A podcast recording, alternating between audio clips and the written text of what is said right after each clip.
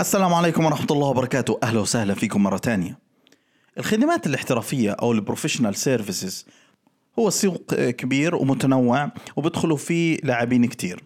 سواء كانوا أفراد individuals أو شركات entities. وعلشان أوضح الخدمات الاحترافية أو ال professional services أنا بقصد فيها الخدمات اللي بتتقدم لجمهور معين زي الترجمة التدقيق الكول سنتر البرمجة وقس على ذلك أي خدمات بيقوم فيها أفراد باحترافية معينة ليغطوا احتياج أفراد تانيين أو شركات. وطبعا مع زيادة الطلب على هذه الخدمات وزيادة احترافية مقدمينها بصير معهم فرصة أنهم يعظموا أرباحهم.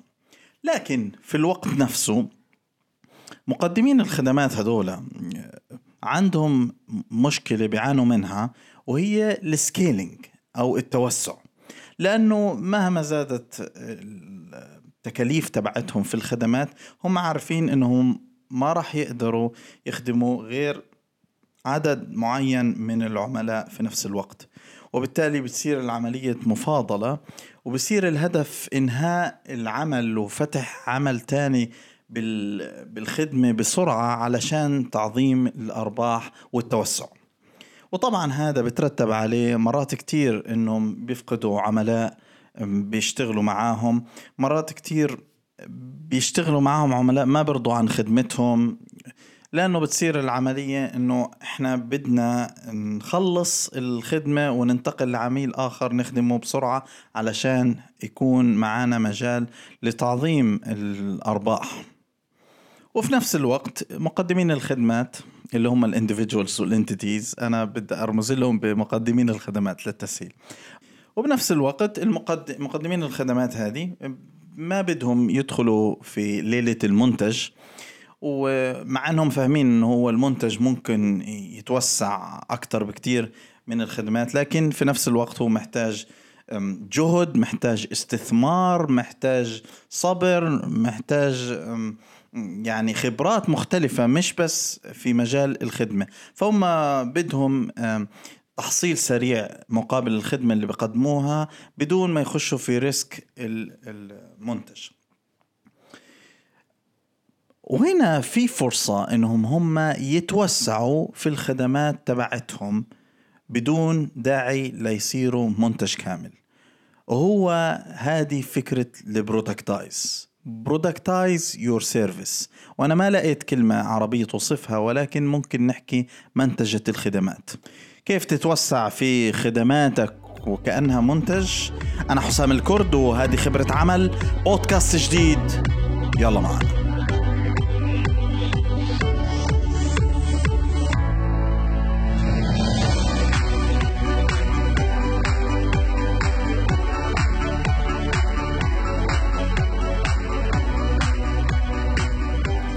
ما نبدأ نحكي في ال productize بشكل مفصل خلينا نفهم إيش طبيعة المنتج بيفرق عن الخدمة. المنتج بيصل المستهلك زي ما الشخص اللي أنتجه أو الجهة اللي أنتجته بدها بدون يعني customization كثير أو تغييرات كثير. يعني معنى عشان نبسط الموضوع بمثال لو انت رحت تشتري موبايل مثلا فانت بتروح بتشتري الموبايل زي ما أنتجته الشركة اللي طورته أو بنته. وما بتاخده بالشكل اللي انت بترغب فيه.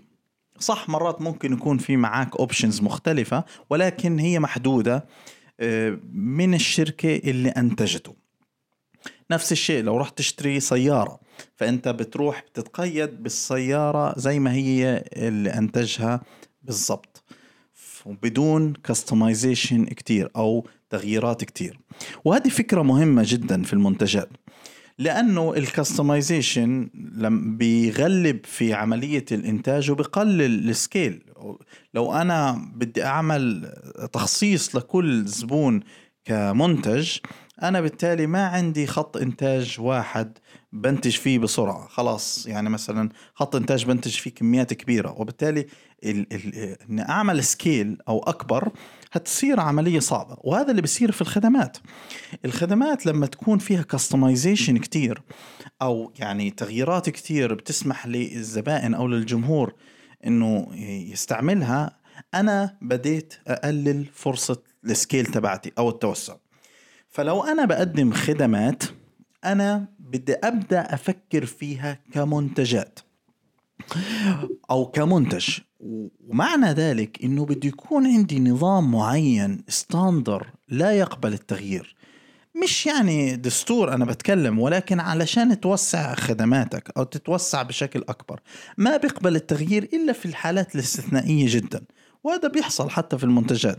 يعني ممكن تلاقي إنه شركات كبيرة ممكن تعمل customization للناس اللي بدهم يعني تغيير يعني يدفعوا تكاليف كتيرة جدا علشان يعملوا آه، منتج خاص فيهم. لكن هذه حالات خاصة. أما العامة فبتعاملوا مع أشياء standard أو خطط ثابتة.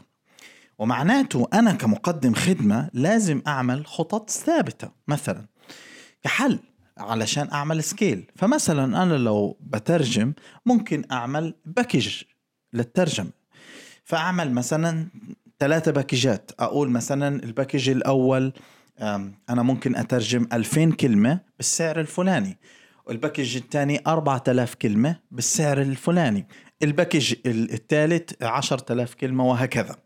وبالتالي صار عندي مثلا ثلاثة باكجات ثابتين. كل العملاء هيتعاملوا مع الثلاثة الباكجات هذه. رغم إنه أنا بقدم خدمة يعني بتحتاج وقت وجهد بشري في كل واحدة لكن أنا عملت نظام packages وصار بيخدم شريحة أوسع من العملاء. وخلاص أنا شلت ال headache من حاجات كتير. مثال إنه أنا في ال package أقل package هتجيني 2000 كلمة مثلا في في اللي إحنا في اللي إحنا طرحناه. وبالتالي أنا شلت كل الناس مثلا بيطلبوا 500 كلمة أو اللي بده يطلب 500 كلمة هيتحاسب معايا على أساس 2000 كلمة. ومن هنا ببدأ أنا أسك أوسع أو أسكيل الخدمات تبعتي لأنه صرت أتعامل معها زي كأنها منتجات. نفس الإشي أنا مثلا لو مبرمج ممكن أعمل باكيجات.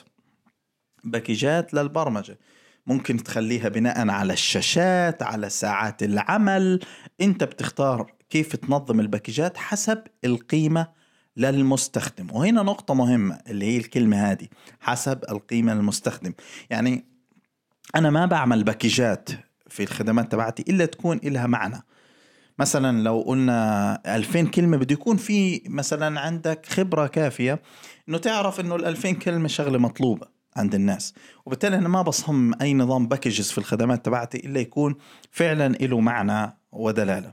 علشان أي واحد بيسألني يقول لي إيش يعني أعمل package يعني كيف أعمل تسعير و packageات وخطط للخدمة تبعتي؟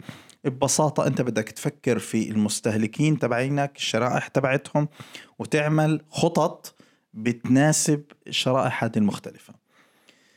وحاولت تقلل وتحصر هذه الخطط ما تتجاوزش عدد كبير علشان تعرف تعمل scale وبنفس الشيء للشركات زي ما حكينا إحنا بنحكي عن الأفراد اللي بيقدموا خدمات والشركات.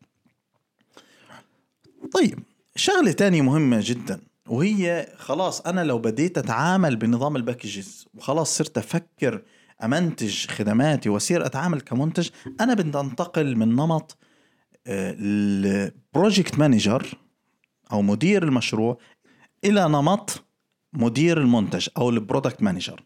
وفي فرق كبير بين الاثنين. مدير المشروع باختصار الهدف تبعه إنه هو يسلم المشروع بأقل تكاليف.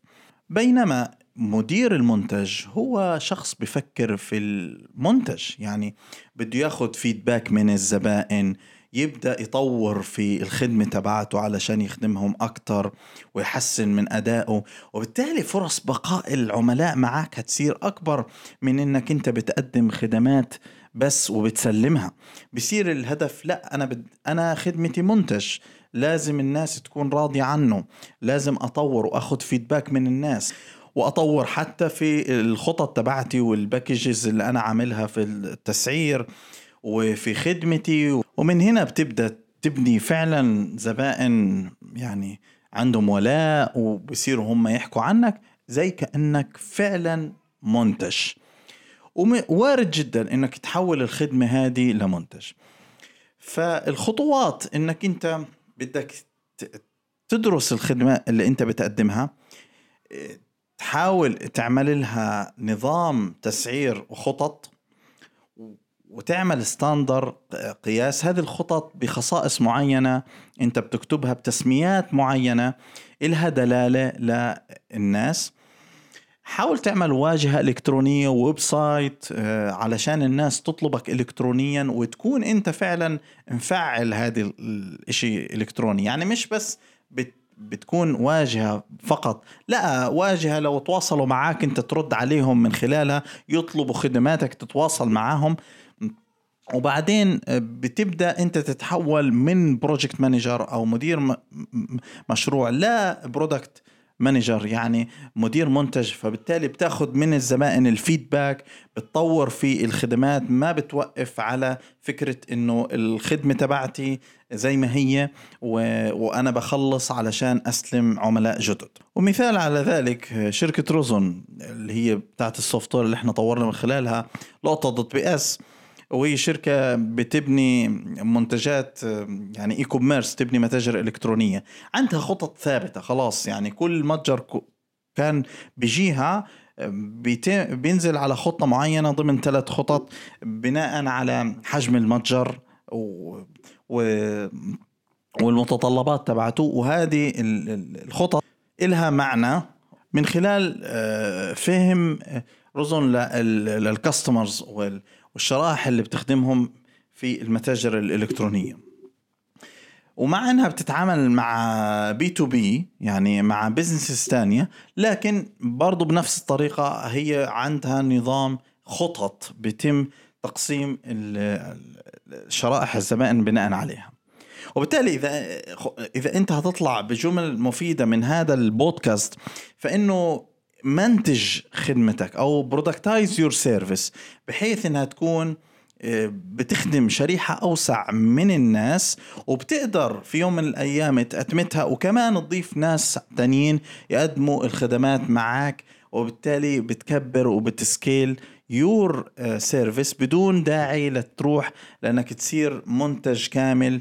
ممكن تدخل في risk ومحتاج لتكاليف وخبرات مختلفة تانية كتيرة. تحياتي لكل حدا ببني والسلام عليكم ورحمة الله وبركاته.